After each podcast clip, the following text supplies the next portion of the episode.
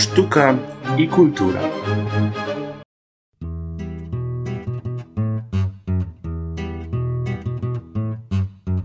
Był sobie las, zielony las, a w lesie sejm burzliwy, bo zwierząt chór prowadził spór, co znaczy być szczęśliwym. Bo zwierząt chór prowadził spór, co znaczy być szczęśliwym. Więc bury miś, kudłaty miś, pomedytował krótko. Szczęśliwym być to miodek pić i mieć porządne futro. Szczęśliwym być to miodek pić i mieć porządne futro. Pracować wciąż i piąć się wzwyż, odrzekła mała mrówka. A ślimak rzekł mieć własny dom z garażem i ogródkiem. A ślimak rzekł mieć własny dom z garażem i ogródkiem. Zasępił się posępny sęp i rzecze zasępiony. A czy ja wiem, szczęśliwszy ten, co ma silniejsze szpony? A czy ja wiem, szczęśliwszy ten, co ma silniejsze szpony? Przyleciał kos i zabrał głos i rzekł niewiele myśląc Szczęśliwym być to z losu drwić i gwizdać Na to wszystko szczęśliwym być to z losu drwić i gwizdać na to wszystko A polny wiatr obieży świat, przyleciał z końca świata. Szczęśliwym być to znaczy żyć, nie robić nic i latać. Szczęśliwym być to znaczy żyć, nie robić nic i latać. Aż nagle ktoś na pomysł wpadł wśród sporów i dociekań. A może by, a może tak, zapytać też człowieka. A może by, a może tak, zapytać też człowieka.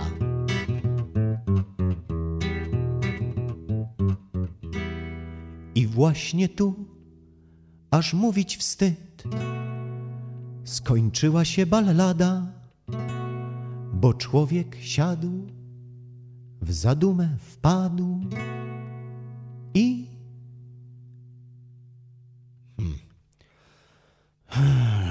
tak, tak, tak, tak, tak.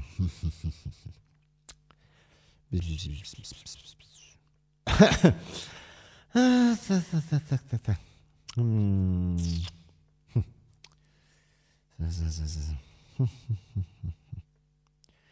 No, hmm.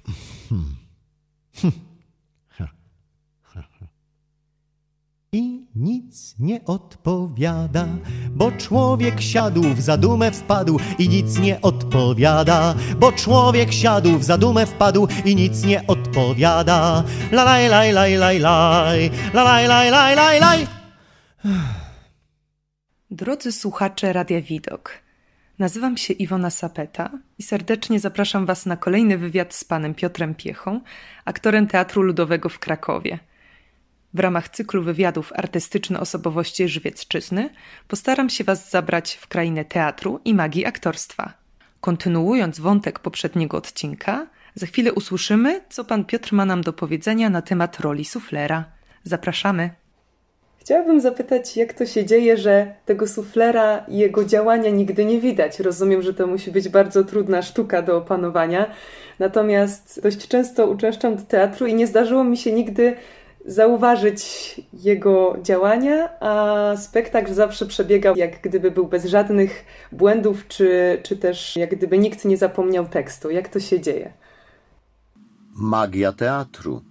O to chodzi, żeby się działo w teatrze, ale nie wiadomo jak. I to jest właśnie magia teatru. Skąd wzięło się to pojęcie budka suflera? Budka suflera znajdowała się kiedyś na proscenium. Sufler siedział tyłem do widowni, osłonięty tą budką, a on współpracował z aktorem, bo kiedyś było troszeczkę inaczej. To nie było tylko podpowiadanie, tylko podawanie tekstu. Sztuki powstawały w bardzo krótkim czasie, a wiadomo, nie, szczególnie główne role mają bardzo dużo tekstu. I wtedy była to wielką sztuką i bycie suflerem to była wielka sztuka umiejętności podawania tekstu, śledzenia tego, jak aktor działa. To też była troszeczkę inna forma działania w teatrze. Inaczej aktorzy działali w teatrze, ale przede wszystkim brało się to z czasu przygotowań spektakli. Dzisiaj, kiedy spektakle mają od 60 do 100 prób, a czasami nawet i więcej, 100 prób czterogodzinnych, aktor ma szansę tak przez siebie przeprowadzić tekst, że ten tekst osiądzie w nim i się nie zapomina. Nie zapomina tak, żeby takie dziury się robiły i akcja była stopowana. Dlatego też zniknęła tak zwana budka suflera na proscenium, ale sufler jest. Oczywiście on ma swoje stałe miejsce.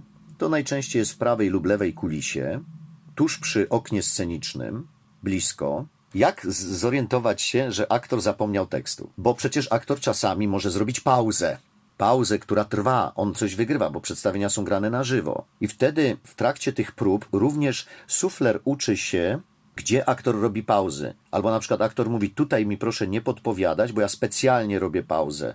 Chyba, że na przykład wykonam jakiś gest. To też jest kwestia umówienia się. Czasami bywa tak, że aktorzy umawiają się z suflerem, sufler sobie notuje. Każdy z aktorów ma wypracowane gesty, lub też one są tożsame z daną postacią, którą gra.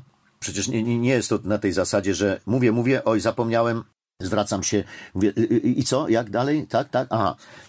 Nie w ten sposób. Więc czasami to jest gest dłoni, palca, potarcia, nie wiem, brwi, czy, czy zaciśnięcia prawej dłoni w pięść. Mnóstwo jest tego typu umawiania się. A poza tym sufler krąży w kulisach, bo aktorzy przechodzą w różne miejsca, akcja się rozgrywa w różnych miejscach. Dużo rzeczy się dzieje za kulisami w teatrze w trakcie przedstawienia, więc widziałem, że jeden z kolegów miał monolog, będąc ciężko ranny, leżał na brzuchu na jego wysokości, żeby to było.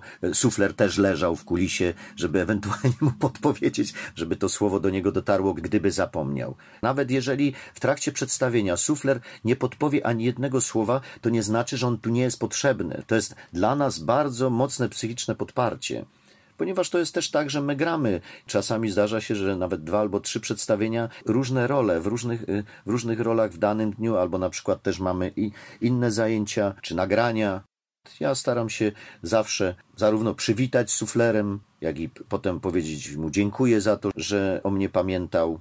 On też jest pełen napięcia, bo on też jest odpowiedzialny za przebieg przedstawienia.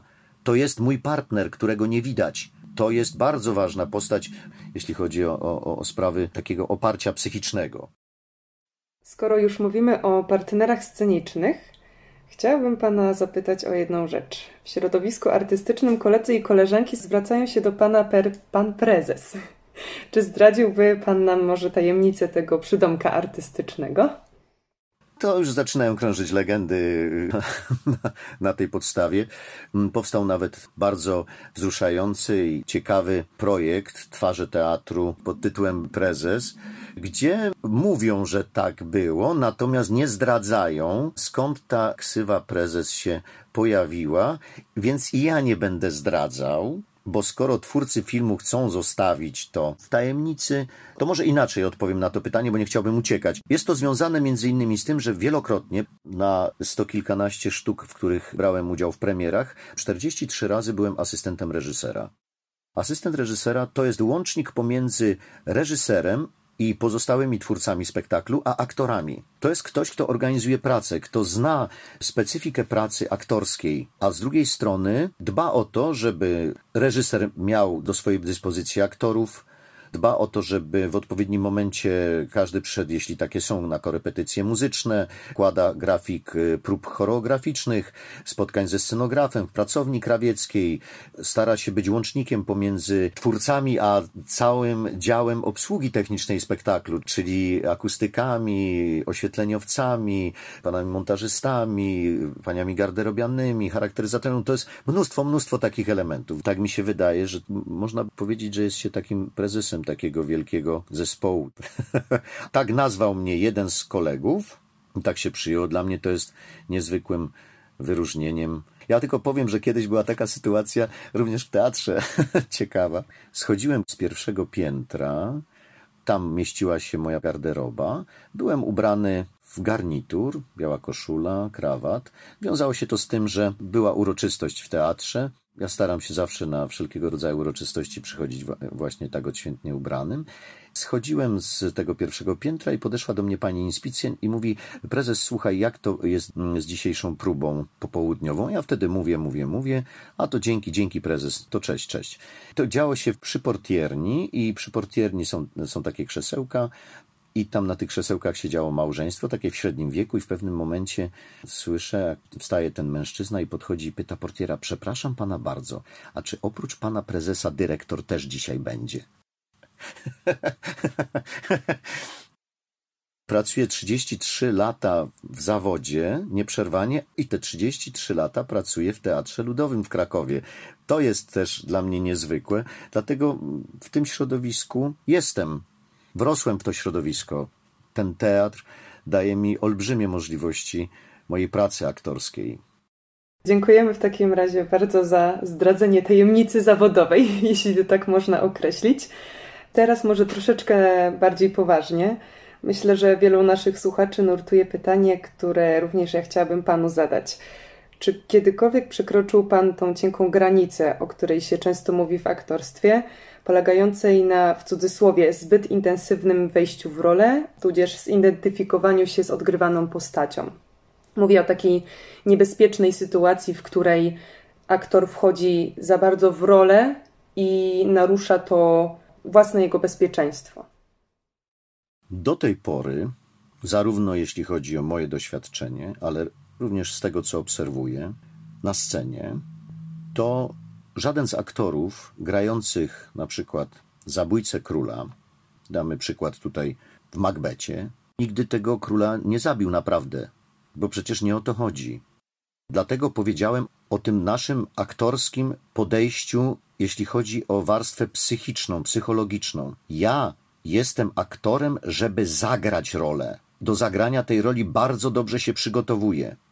To, że przebywanie z tą postacią sprawia, że noszę ją w sobie, bo to nie jest tak, że, że ja jak ściągam kostium, to już ta postać przestaje we mnie działać. Ja wiem, że są różne techniki gry aktorskiej, tego też uczą się studenci w szkole teatralnej, ale również pogłębiają aktorzy na wszelkiego rodzaju kursach i spotkaniach i warsztatach, bo są różni twórcy. Są tacy, których warsztaty sprawiają to, że aktor mający na przykład zagrać dzika po pewnym czasie wyskoczy i zacznie ryć twarzą pod y, dębem, żeby co, znaleźć żołędzie? Aktor dobrze, żeby miał rozeznanie we wszystkich możliwych szkołach i technikach gry aktorskiej, poznawał to, zgłębiał, wybrał dla siebie, bo to jest bardzo istotne, ale przede wszystkim wiedział, że aktor ma zagrać. To wtedy jest szansa, że, że nie kończy się to w sposób często dramatyczny, zarówno dla aktora, jak i dla jego bliskich czy osób z nim przebywających. Trzeba wiedzieć, że aktor gra. Ja zagram, oczywiście mnie to kosztuje, bo czasami jest tak, że absolutnie nie identyfikuje się ze słowami, które dana postać mówi, ale to nie znaczy, że nie mam zagrać w pełni odpowiedzialnie i wyraziście tej roli. To w widzu to ma pozostać. Dlatego ja wielokrotnie sobie powtarzam, że ja gram. Ja się nie staję tą postacią. To w wyobraźni widza ta postać ma się stać. To, że widz na przykład utożsamia to potem z aktorem, to już jest druga strona medalu. To czasami bywa tak, jak on mógł zagrać taką postać? Albo, wiesz, nie spodziewałem się, że możesz to tak zrobić że ty taki jesteś, no jak można, trzeba być chyba takim człowiekiem. I tutaj rozumiemy jedną rzecz. Oczywiście mówi się, że aktorzy w starożytności nosili maski po to, żeby one wzmacniały im głos. Bo wiadomo, jak człowiek zakłada maskę, to ten głos się zmienia. Dlatego też, żeby się nie zmieniał ten głos, żeby aktor nie tracił wyrazistości mowy, to te maski miały nacięcia, bruzdy, miały specjalne kanały. Ale nie po to aktor zakładał maskę, żeby był lepiej słyszalny. Aktor krył się za tą maską.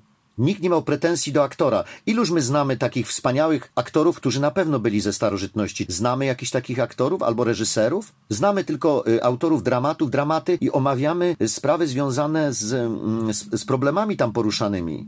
A to są niesamowite dramaty człowieka, emocji, tych emocji bardzo, bardzo negatywnych. Tam jest kazirodztwo, tam jest zabójstwo, tam jest oszczerstwo, tam jest podstęp. Wszystko, co najgorsze jest wylewane. Aktor krył się za maską postaci. Żeby potem nie powiedziano, o, on, on taką rolę grał, a on taką rolę grał, a jak mógł zagrać taką rolę, a teraz gra taką rolę. Dzisiaj, kiedy aktor e, daje swoją twarz, to zawsze się mówi, o, on pewnie tak myśli, prawda? Bo się wypowiada. Oczywiście to nie zwalnia również aktora od tego, co mówi i jak mówi, bo to, żeby też nie zabrzmiało w ten sposób, że to co, jakbyś był ukryty, to robiłbyś wszystko, co byś chciał. No nie, no właśnie, według mnie zawód aktora to jest zawód wolny, dlatego że ja mam prawo wyboru. Gdyby mnie ktoś zapytał, czy ja zagram wszystko, to ja odpowiem tak, zagram wszystko, ale czy chcę zagrać? Bo to jest mój wybór jako aktora, to nie ogranicza mojego aktorstwa, bo jest tyle propozycji.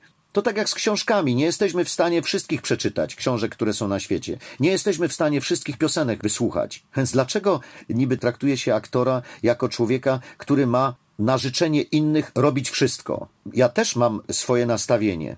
Natomiast to, że mówię, że mogę zagrać wszystko, lepiej lub gorzej, do tego się przygotować, już wspominałem o tym wcześniej, na czym to polega, bo jeżeli czegoś nie robię i muszę, musiałbym zrobić, zagrać, no to muszę się do tego przygotować. To jest oczywiste, ale to jest mój wybór. Czy ja to chcę robić?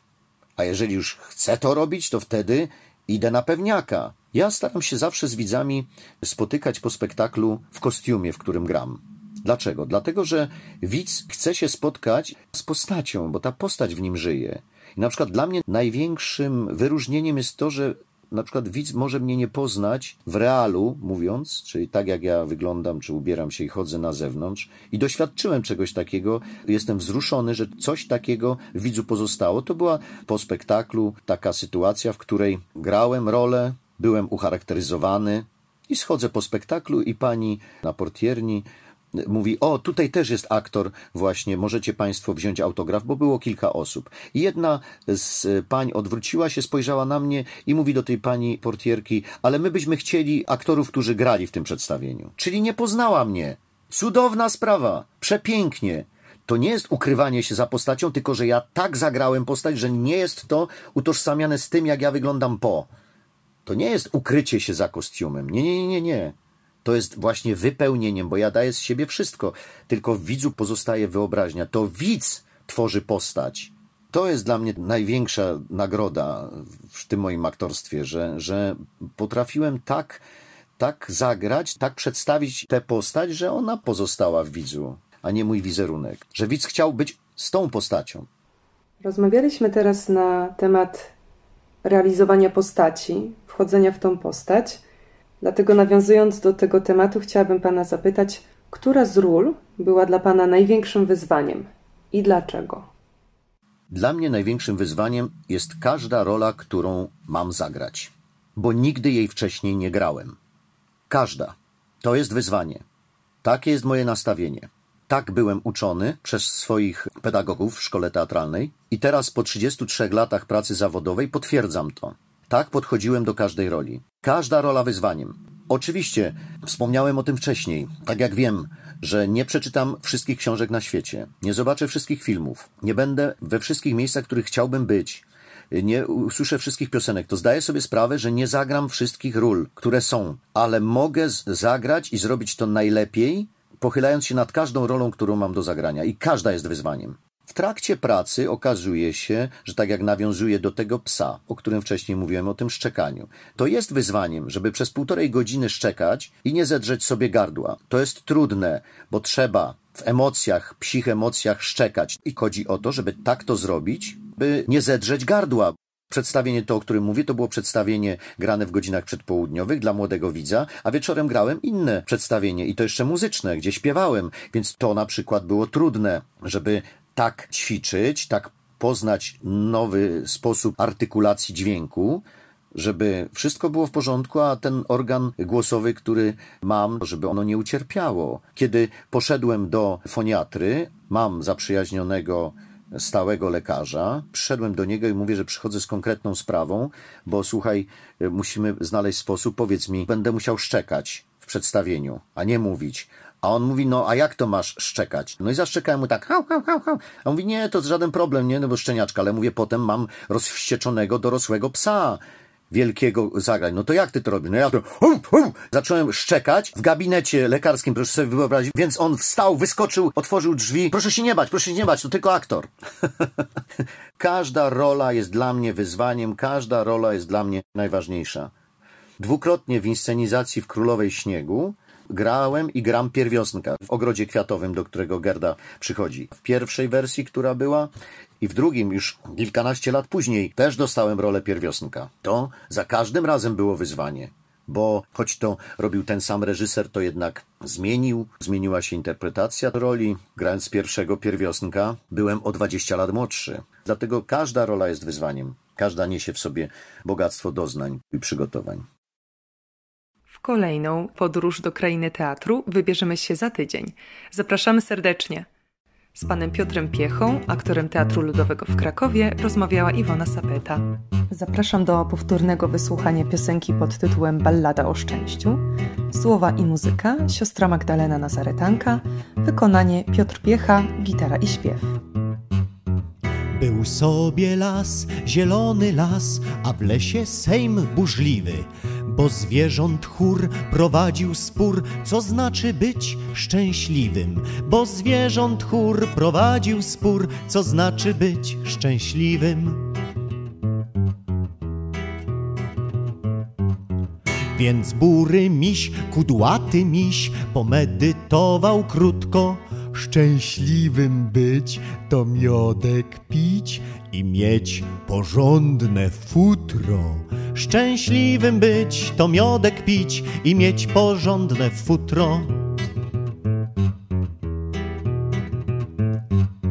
Pracować wciąż i piąć się wzwyż, odrzekła mała mrówka.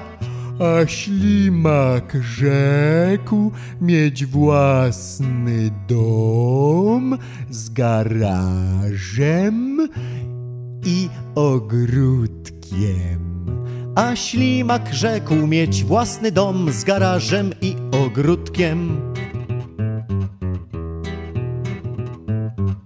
Zasępił się posępny sęp i rzecze zasępiony. A czy ja wiem, szczęśliwszy ten, co ma silniejsze szpony?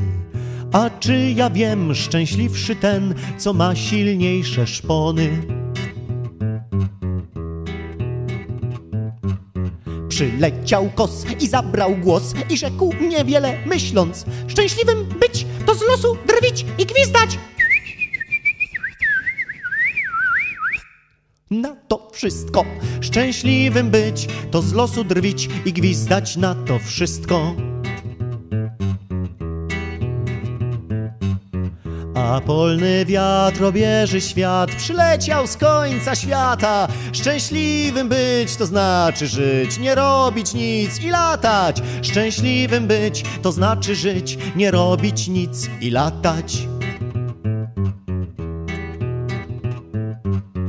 Aż nagle ktoś na pomysł wpadł wśród sporów i dociekań. A może by, a może tak, zapytać też człowieka. A może by, a może tak, zapytać też człowieka.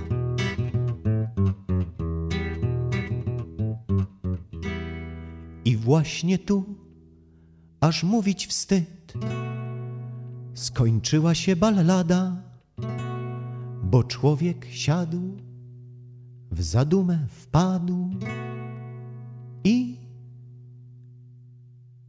Hmm. Tak, tak, tak, tak, tak.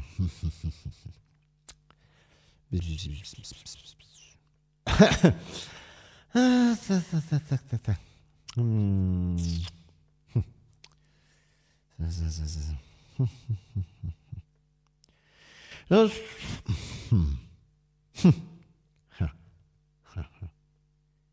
I nic nie odpowiada, bo człowiek siadł w zadumę wpadł i nic nie odpowiada, bo człowiek siadł w zadumę wpadł i nic nie odpowiada. La laj laj laj laj laj, la laj laj laj laj laj.